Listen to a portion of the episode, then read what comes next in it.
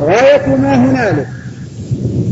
أن يلتمسوا الأسباب التي تكثر عدد النقود التي تكثر عدد النقود وعدد المادة. لا يبالون أغشوا المسلمين أم لا. وهناك من يحاول استيراد المحرمات بالمسكرات وحبوب مخدرات على الرغم من متابعتهم في هذه المملكة ولله الحمد يحاولون بكل المحاولات اجتلابها ونشرها. هذا غش كبير. أي غش أعظم من هذا الغش؟ أيرضى المسلم لنفسه. من يحاول من من من يورد من يورد الصور المجسمة ذوات الأرواح إن هذا تاجر غاش. لا يغش المسلمين؟ ومن هذا القبيل من يعلن المعاملات الربوية ويعين عليها ويحبذها ويسهل طريقها. إن هذا من الغش. من غش فليس مني. لأنه ربما يأتي عام من عوام المسلمين. ليس كل المسلمين متعلمين دقائق الفقه وحقائق الشريعة. وهناك معظم المسلمين لا يعرفون إلا أصول الإسلام ولا يعرفون تفاصيل المعاملات. فإذا أعلنت المعاملة الربوية ظن أنه جائز. فجئت بالغش؟ ورسولك يقول من غش فليس مني. فما الذي يبيح لك أن أن تتعامل بالمعاملة الربوية وأن تعلنها؟ وما أكثرها في وقتنا الآن لا قوة إلا بالله. مما انتشر منها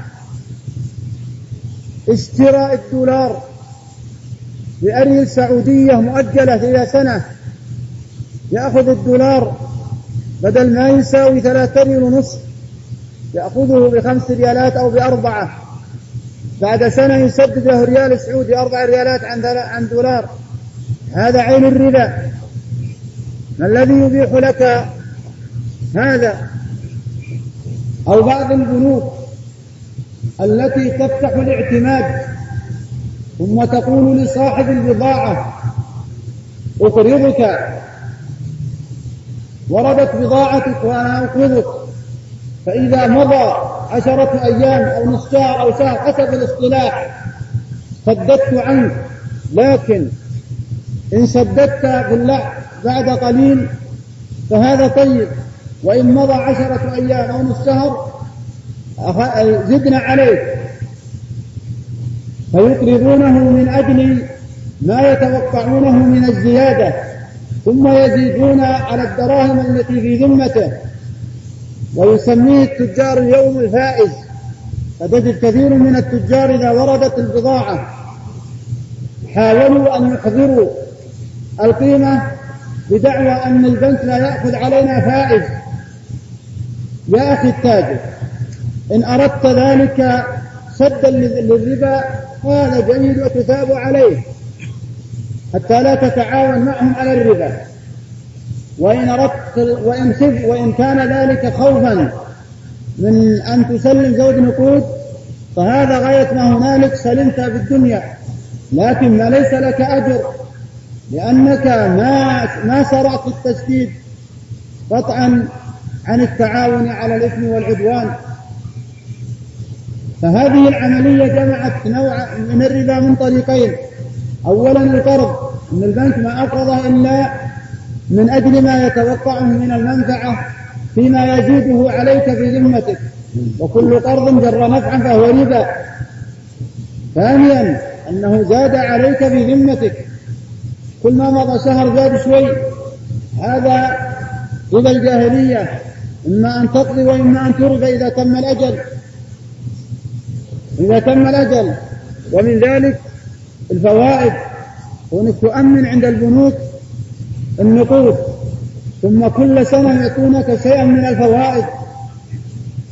فإن كان العاملين فيها فإن كان العاملون فيها مسلمين لا ينبغي. ينبغي التوبة ولا يدفع هذه الزائد. وأنت يا من أودعت مالك لا تأخذه.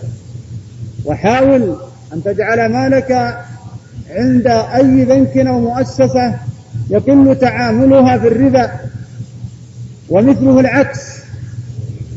لو أعطوك الدراهم ثم تعطيهم في كل سنة بالمية سبعة أو بالمية عشرة هذا من أنواع الغش. غشيت المسلمين ومثل هذه الأشياء العامة أيها الإخوة غش للمسلمين عامة. وغش خاص المقصود أن صور الغش لا لا تحصى. لا تحصى كثيرة. كثيرة جدا.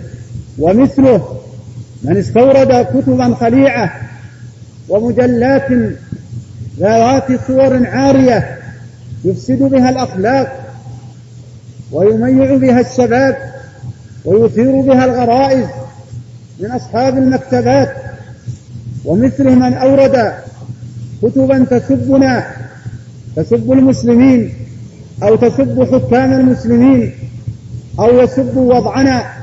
كل هذا من الغش ومثله لو لم يرد شيء من الخارج بل مثله لو من نشر من التمس عيبا من معائبنا ثم أخذ ينشرها.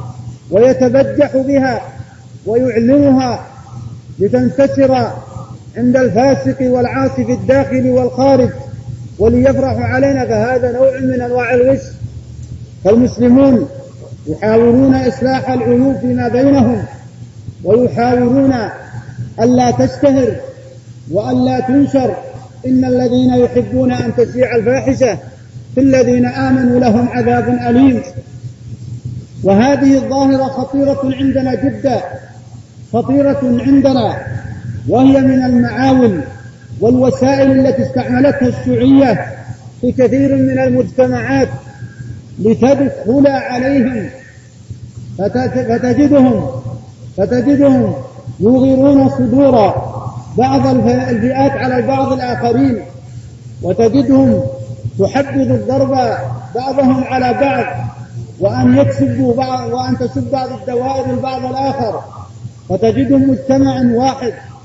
وهم يتسابون فيما بينهم.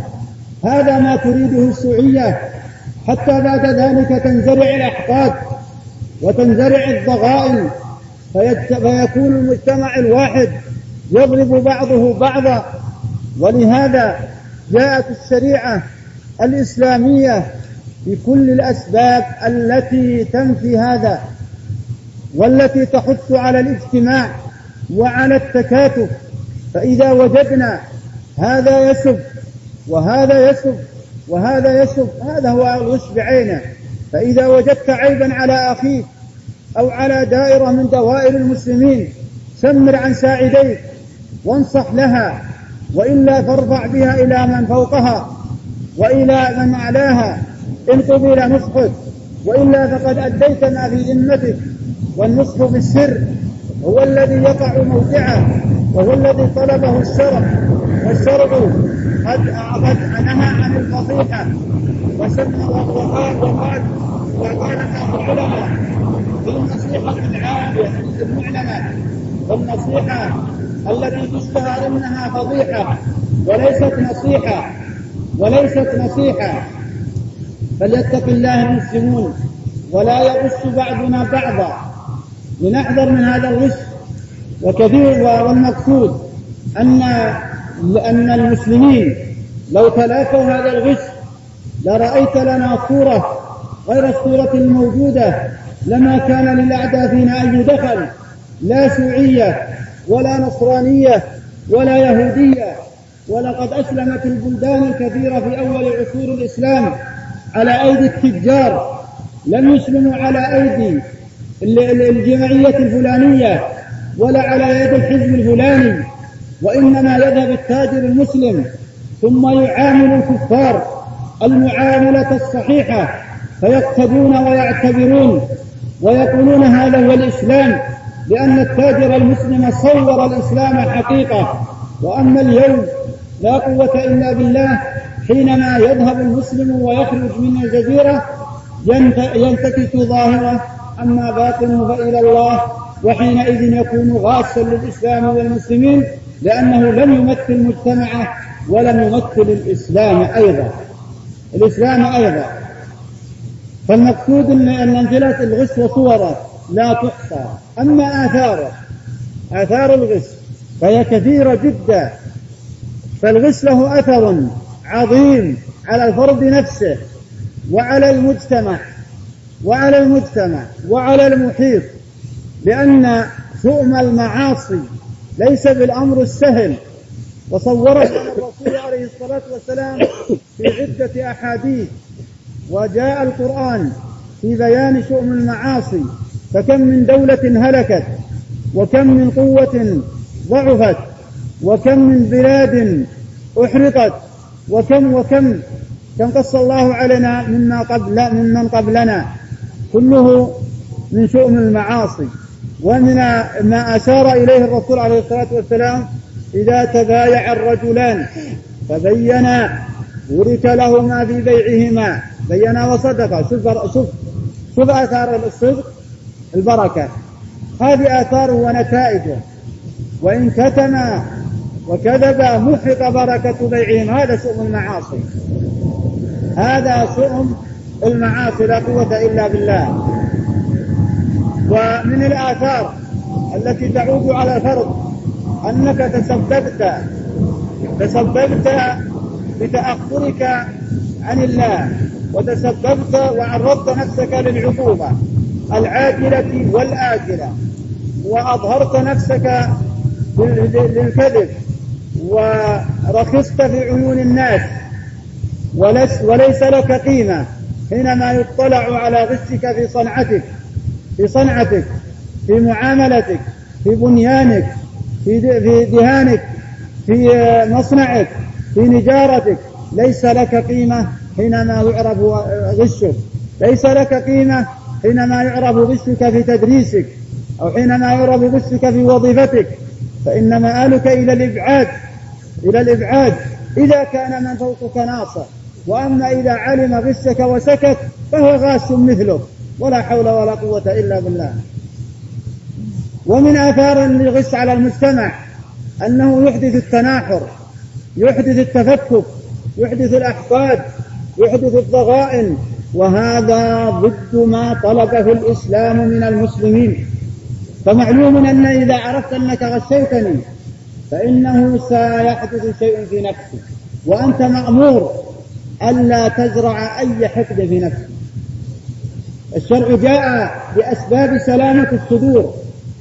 إذا عرفت أنك أني سلمت نقودي سليمة وسلعتك مدخولة مغشوشة معلوم أني لست براضي. افرض أنني لم أعلم ولم أطلع على الغش فقد بئت بالغش و وعلاوة على ذلك الحق الذي لي عليك فتكون ظلمت نفسك بارتكاب المعصية التي هي لله حيث عصيت أمره وبارتكاب أيضا خطأك على المخلوق. فما كان من جهة الله فهو معرض للمغفرة إن مت مسلما. لكن من جهة المخلوق لا بد وأن يقص منك وأن يقتص منك. لأن الدواوين ثلاثة. ديوان لا يغفره الله وهو الشرك. من مات عليه الشرك الأكبر. وديوان إن شاء الله غفره وإن شاء عذبك وهي معصيتك لله. وديوان للحق المخلوق. فهذا يؤخذ من حسناتك وتعطى من ظلمت ومن غشيت. فإن لم يكن لك حسنات أخذ من سيئات وطرحت عليه من شؤم الغش بين المسلمين مثل ما سمعنا في الدقيقة الماضية آه أنه يفقد التعاون. يفقد التعاون. فلا يستطيع التاجر يتعاون مع الموظف ولا الموظف مع التاجر. ولا الموظف مع مديره ولا المدير مع مع الوزير. فهنا آه، تحصل بلبلة الأفكار لأنه لا يثق واحد بالآخر لا قوة إلا بالله. لا يثق واحد بالآخر. على الرغم من الإسلام أما جاء بكل ما يقوي الثقة فيما بين المسلمين حتى يترابط المجتمع ولا يربطه إلا هذه العقيدة التي نفت الأسباب الجالبة للافتراق كالغش والتدريس والكتمان ونحو ذلك. ولهذا يقول الله سبحانه وتعالى لنبيه لو أنفقت ما في الأرض جميعا ما ألفت بين قلوبهم فالذي أوصيكم به ونفسي تقوى الله سبحانه وتعالى وأن نتناصح عن الغش في أي مجال كان. وأن نخوف المسلم بالعاقبة العاجلة والآجلة وأن نخوفه بالله وأن نحذر وأن نحذر من كلمة تحصل الآن وكثيرة جدا لا بد من التنبيه عليها أيها الأخوة وهي من شؤم الغش من شؤم الغش ومن نتائجه السيئة أنه يحمل كثيرا من المسلمين الذين لا يعرفون الإسلام حقيقة يحملهم على مدح النصارى وعلى مدح الكفار ويحملهم على سب المسلمين وذم المسلمين ولربما زهدهم بالمسلمين. وهذا شيء حاصل. ألم تسمعوا الكثير ممن يسافرون إلى بلاد أوروبا فيقولون ما هذه البلاد الحية. القصام ما يغش. يوم طايح حيمة زين يمكن الحمد خنزير قال القصام ما يغش. آه، آه، الشوارع نظيفة بيع ومشترى حر.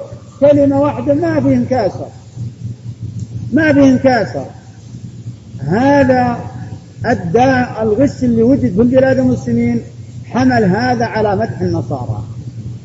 آه هذا التوسع ربما أن بعضهم يجهل فيسب المسلمين. أو ربما يقول إيش الإسلام هذا؟ إن جيت القصاب ولا غشاش. إن جيت التاجر ولا غشاش. إن جيت الموظف ولا أنت ما يجي إلا الضحى. إن جيت كذا ولا كذاب إن جيت آه، ومن تجد يعدد من الدوائر. جيت الدار الفلانية ولا كذا. إن جيت شركة الكهرباء ولا يكذبون عليك ولا يجون. إن جيت إن جيت فيحمله على بغض الإسلام والمسلمين لا قوة إلا بالله. هو صحيح أنه جال ولا عاد؟ لو فرضنا أن النصارى صدقوا.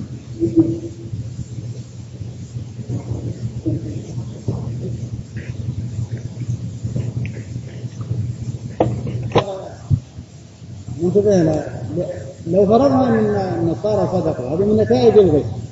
ومن ثمرات السيئه أن تعلق أن تعلقت نفوس كثير من المسلمين اليوم بمعاملة النصارى ومدحوهم أشد المدح. ولربما ذموا المسلمين لا قوة إلا بالله. فمن هذه من, من هذا من نتائج الغش الحاصل بالمسلمين. لأن ضعيف الإيمان ما ينظر إلى العقيدة وإلى التوحيد وإلى فضل المسلم. لا ينظر إلا إلى الناحية المادية لا قوة إلا بالله. هذا بسبب الغش لأن عوام المسلمين وضعاف ليس كلهم أقوياء الإيمان. ويقولون إن هذا المسلم ارتكب الغش صحيح لكن مهما كان هو أفضل من النصارى ولو عنده شيء من الغش ولو عنده شيء من المعاصي. وحاولنا أن نعدل أن نعدل بعضنا بعضا. هذا الغش سبب علينا هذه النتيجة. الغش اللي وجد بالمسلمين. التساهل بالمعاملات. التساهل بالأعمال. الغش في الشركات. الغش في أعمال كثير من الناس أدى إلى هذه النتيجة. إلى اجتلاب النصارى. وإلى مدحهم في أعمالهم. وإلى جعلهم في أعلى الدرجات.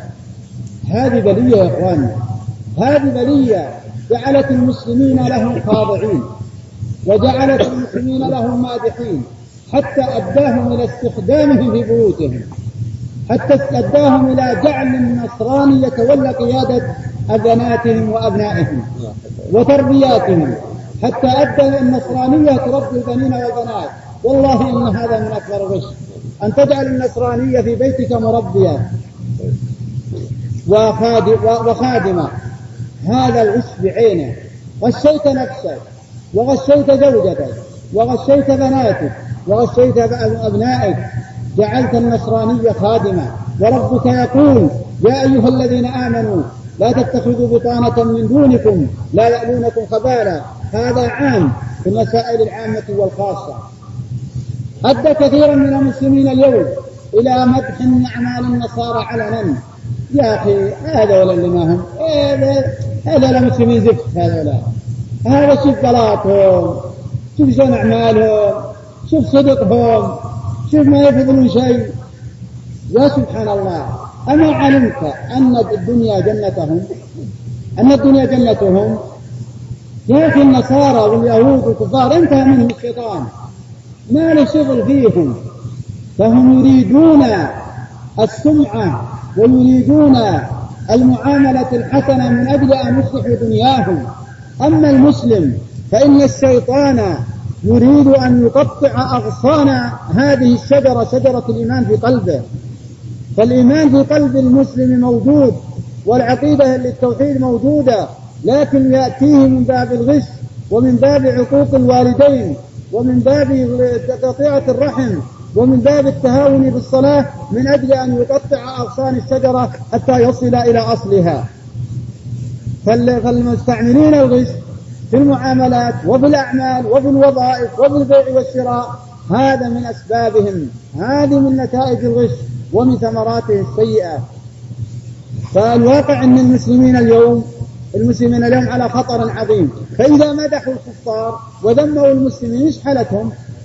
أما علمت أنك إذا فضلت النصراني على المسلم عن عقيدة عن عقيدة ولا باليت ولا باليت بديانته وقلت كل حر وكل له دينه أما علمت أن هذا خطأ على خطر عظيم من من الردة هذا وش معنى التولي؟ وش لأن الإسلام تدري شو؟ الإسلام أن تقول لا إله إلا الله محمد رسول الله وتكفر بما يعبد من دون الله تكفر بما يعبد من دون الله. فإذا كان نصراني أتيت به بصليبه يعبد المسيح في بيتك مقر الله وقلت هذه كله ديانة. هذه العلمانية. هذه العلمانية اللي تنادي لها الشيوعية. وهذا اللي تريد الشيوعية. لا تريد إلا أن يكثر الخبث فينا. ثم كل يتمسك أو كل يرضى بما عنده وهو لا يجوز. ما ينبغي هذا. من قال لا إله إلا الله وكفر بما يعبد من دون الله حرم ماله ودمه وحسابه على الله عز وجل. طيب كيف لو انك بتكفر بما يعبد من دون الله ما ركنت إلى نصراني يخدمك في بيتك ويخدم بناتك وبني وبنيك ومعاملاتك؟ هم مسلمين على ما فيهم من الغش حاول تعديلهم. حاول تعديلهم. أضف لهذا أن من استجلب عمال نصارى لا قوة إلا بالله ربما لو تقول ادعوهم إلى الإسلام قال لا لهم مسلمين ما جلدتم هذا هم يخلصون وما علم وجهل قوله صلى الله عليه وسلم فوالله لأن يهدي الله بك رجلا واحد خير لك من حمر النعم. يا سبحان الله رجل واحد يهدي الله خير لك من حمر النعم. من حمر النعم. فما بالك بما بما بعملك ورضائك وكونهم يجلبون لك. لربما لو جاء واحد قال أغلق المصنع. أغلق المصنع وقت الصلاة وقت الحركة. أخذ ينافق ويجرح شعور المسلم ويسبه ويحط من قدره عند النصارى ويقول اتركوا هذا. هذا انهبوا ما يصلح شيء. إنا لله هذا هو هو عين الغش. هذا هو الغش. فالمسلم الذي عنده عقيده عنده إيمان يجعل بين عينيه من غش فليس مني. ولعله سبحانه وتعالى يفتح عليه إذا كرر هذا الحديث ويجعل بين نصف عينيه بغضا الكفر والكافرين. يا أيها الذين آمنوا لا تتخذوا عدوي وعدوكم أولياء تلقون إذا كنت مجلس خادم تمر مسلم أو مسلمة على ما في من المعصية تحاول تعدله عنده عقيدة الإسلام عقيدة الإيمان. لكن اللي تأتي بمن حاربهم الإسلام نعم الكفار يجوز تأجيرهم على عمل على عمل خاص بطوعة. وبطوعة تعرف ابن هذا احفر هذا ولك كذا لكن تستخدمه. ثم أيضا ينبغي أن لا يكثر منهم. وهذا الذي جاري إن شاء الله ونسأل الله الكريم رب العرش العظيم أن يغني المسلمين بأنفسهم من أنفسهم وأن يوفق المسؤولين لمنعهم إن شاء الله. ويرجى هذا والذي علينا الدعاء لتسديد الخطى وأن يرزق ولاة أمورنا البطانة الصالحة التي تعينهم إذا ذكروا وتذكرهم إذا نسوا وأن يعيدهم من من الشر وأهله ومن جميع الشرور وألا يتولى أمرا من أمورهم إلا ما كان ناصحا صادقا مخلصا لهم وللإسلام والمسلمين وصلى الله وسلم على نبينا محمد وعلى آله وصحبه أجمعين. أيها الأخوة المسلمون اسمكم جميعا صاحب الفضيلة الشيخ صالح أطرا على هذا البيان وهذا التوضيح ولقد وفى المقام حقه في الحقيقة وأصبح كل إنسان منا يشعر بضخامة هذه المسؤولية ويحس أن الغش في الحقيقة إنما هو ظلم وخداع وسرقة وكذب وتضليل. ولو سألنا أنفسنا لماذا يغش التاجر ولماذا يغش الناس. لعرفنا أنه يغش بسبب البحث عن المال والجري وراء الغنى الطافع وماذا سيأخذ مما جمع لن يأخذ شيئا. ولقد جئتمونا فرادا كما خلقناكم أول مرة وتركتم ما خولناكم وراء ظهوركم. وصدق الشاعر ولو نلت فيها منها مال قارون لم تنل سوى لقمة في فيك منها وخرقتي. ولو عشت فيها ألف عام وتنقضي كعيشك فيها بعض يوم وليلة إن الذي يغش الناس إنما يظلمهم والمظلوم دعوته مجابة فإذا اشتريت بضاعة وذهبت إلى بيتك واكتشفت أنها مغشوشة إنك سترفع رأسك إلى السماء وتدعو على ظالمك. والرسول يقول اتقوا دعوة المظلوم. ولو كان كافرا فإنها لا ترد وتفتح لها أبواب السماء. فهؤلاء الذين يغشون الناس من أجل أن يكثر أموالهم ومن أجل أن تطفح أموالهم ماذا سيجمعون وماذا سيأخذون من هذا المال؟ ولقد رأينا الذين يغشون قد ساءت خاتمتهم جميعا. ولقد ورد في الأثر أن الذين يغشون اللبن يؤتى باللبن يوم القيامة. فيقول له رب العزة في هذا اللبن قد غششته خلص اللبن من الماء. ولن يستطيع. وهكذا في كل سلعة. ولكن الشيطان يضحك على الناس من أجل المال. والرسول صلى الله عليه وسلم يقول يا ابن آدم عندك ما يكفيك ولكنك تطلب ما يطغيك لا بقليل تقنع ولا بكثير تشبع. إذا كان عندك قوت يومك كنت آمنا في زربك معافا في بدنك فقد حيزت لك الدنيا بما فيها. فيا أيها الإخوة المسلمون باسمكم جميعا نشكر صاحب الفضيلة على هذا البيان والتوضيح ومعالجته لهذا الداء الوبيل وهذا المرض الخبيث الذي تحكم في كثير من الناس من أجل المال ومن أجل الثروة ولم يعلموا أنهم سيواجهون يوم القيامة بسؤال حاتم يوم القيامة كما قال رسول الله لن تزول قدم عبد يوم القيامة حتى يسأل عن أربع ومن هذه الأربع يسأله رب العزة عن ماله من أين جمعه وفيما أنفقه ماذا يقول الغاشي لربه يوم القيامة؟ وهو ظالم كذاب مدلس مخادع مفتر هل هذا الذي يغش الناس هل تتصور أنه سيتصدق في يوم من الأيام؟ الذي يغش الناس هل يتأتى أن يزكي من ماله في يوم من الأيام؟ لقد جمع المال من حرام. ولو صدق وزكى من هذا المال فلن يقبله الله سبحانه وتعالى لأن الله طيب لا يقبل إلا طيبا. وهنا وردت بعض الأسئلة على الموضوع وإن كان صاحب الفضيلة قد وفى المقام حقه ولكن إتماما للفائدة. هل يجوز لرجل أن يغش أولاده لمصلحة لهم؟ أفيدونا جزاكم الله. إذا كانت مصلحة فليس بغش. يعني لو جاء بالصورة استطاع الإنسان يعرف الجواب. أما السؤال عام هل يستطيع أن ما يدري مصلحته؟ أن تحقق أنها مصلحة بس ما بغش ولا هات الصورة اللي في نفسك؟ يعني وضح الصورة التي في نفسك حتى يستطيع يتسنى الحكم عليها. رجل أراد أن يعطي إنسانا آخر مبلغا من المال ليحج عنه أو عن غيره فأبى إلا بمبلغ أكثر بحيث يتوفر له شيء من المال. هل هذا جائز؟ هذا السؤال عن مبلغ يأخذه الإنسان ليحج عن غيره. وهذه المسألة تكلم فيها العلماء. والذي أو خلاصة ما ما قالوه ننظر للرجل النائب فإن كان يريد أن يحج ليأخذ. هدف حجه من أجل يأخذ المادة. ويتوفر له مادة. هذا لا تعطيه ولا تحججه وأما إذا كان الرجل فقير وعنده اشتياق للبيت ورؤيته ويحب نفع إخوته المسلمين ولكن ولكن ليس عنده ما يبلغه من زاد وراحلة وأجرة سيارة أو طائرة ويريد أن يأخذ ليستعين به هذا الذي يعطى وهذا الذي لا بأس به. والغالب أن مثل هذا لا يقول أريد مبلغ كذا لكن ربما يقول أنا أريد أتعاون به وأخشى أنه ما يكفي.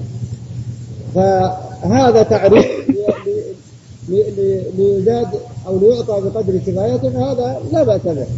أما الذي يطلب مبلغ معين بحيث أنه يعرف نفقته ويعرف مكسبه وما يتبقى له هذا لا يعطى ويترك وهكذا كل سائر العبادات. والواقع أن هذه مسألة شاعت وذاعت وتساهل بها كثير من الناس. فلهذا ينبغي للإنسان الذي يريد أن ينيب عنه أحد اليوم وهي حج نفل أنه يلتمس. وإن كانوا كلها اليوم لأن الناس استغنوا لله خصوصا في كثير من الأقطار. وإن كان فرض وحصل قريب وسيما الولد والقريب هذا أفضل. كل ما ازدادت ديانة الإنسان وقرابته هو أفضل لأنه سيقنع بما يأخذ أو ربما أنه لا يأخذ شيئا. وفي الحاصل أن الإنسان لا يريد أن يأخذ مبلغ معين ويطلب مبلغ معين من أجل أن ينظر إلى مكتب هذا لا يأخذ. ولا حد سؤال آخر تأتي بعض المسائل في امتحانات المدارس على غير ما درس الطلبة خلال العام الدراسي. فهل يجوز للطالب أن يغش في هذه الحالة؟ مسائل الامتحانات لا يجوز له أن يغش في جملة. لأن المسائل التي أتت وبزعم الطالب أنه ما مرت عليه هذا بزعم هو.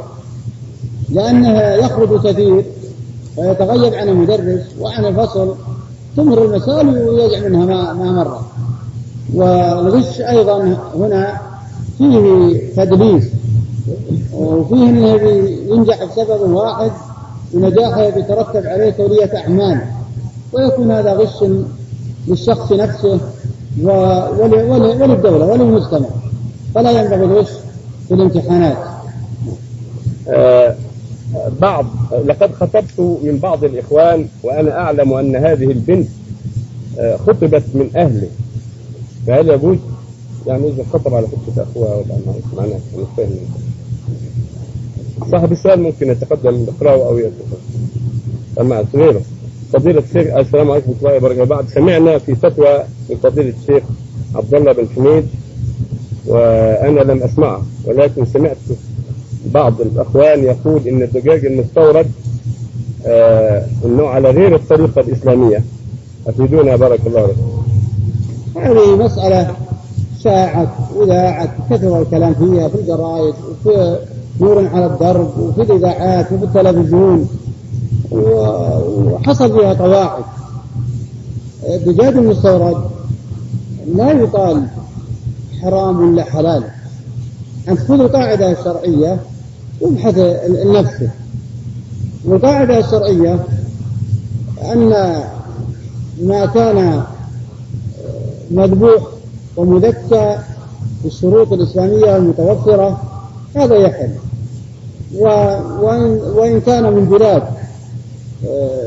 شيوعية أو بلاد وثنية أو بلاد هندوس أو بلاد عباد بقر وهذه هذا هذا لا لا لأن الأصل التحريم. كونك تقول لا أدري. يجي وفرت به الشروط اللي يجي من فرنسا أو يجي من استراليا أو يجي من كذا أو من كذا لا أدري. أنت إذا عرفت القاعدة فأنت بين أمرين. إما أن تتورع وما على المتورع من شيء. لأن التورع اليوم خصوصا في المستورد له وجهه. مو بالتورع ترى عن كل شيء. الحلال الواضح ما تورع عنه. لا بل اللي فيه شيء من الاشتباه. وإن أردت لا أنا أحب أن أعرف عن هالمستورد كله اللي حلال واللي حرام هذا لازم تتقدم للمسؤولين وتسألهم. و... أو تكلف نفسك أو أحد من إخوانك من أجل ف في الفتوى على ضوء القواعد الشرعية لا على ضوء الجزئيات. الجزئيات يسأل عنها المباشر فوزارة التجارة وغيرها. الله يوفق الجميع نكتفي بهذا القدر ونشكر لكم حسن استماعكم ونرجو أن تتم الفائدة وإلى لقاء قريب نقبل إن شاء الله السلام عليكم ورحمة الله وبركاته.